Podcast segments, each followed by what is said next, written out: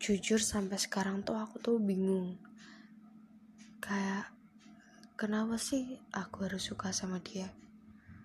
Kenapa sih aku harus suka sama orang yang bahkan dia enggak buka hatinya buat aku? Kenapa? Kenapa bukan orang yang suka sama aku? Kenapa aku harus suka sama orang yang gak suka sama aku gitu loh karena kebanyakan perempuan emang lebih suka sama laki-laki yang nggak suka sama dia. Kayak kenapa sih mereka harus jatuh cintanya selalu bertepuk sebelah tangan? Kenapa nggak mulus-mulus aja gitu? Giliran ada yang suka malah gak diterima.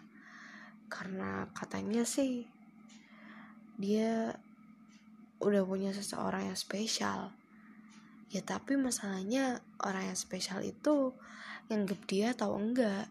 Kan bingung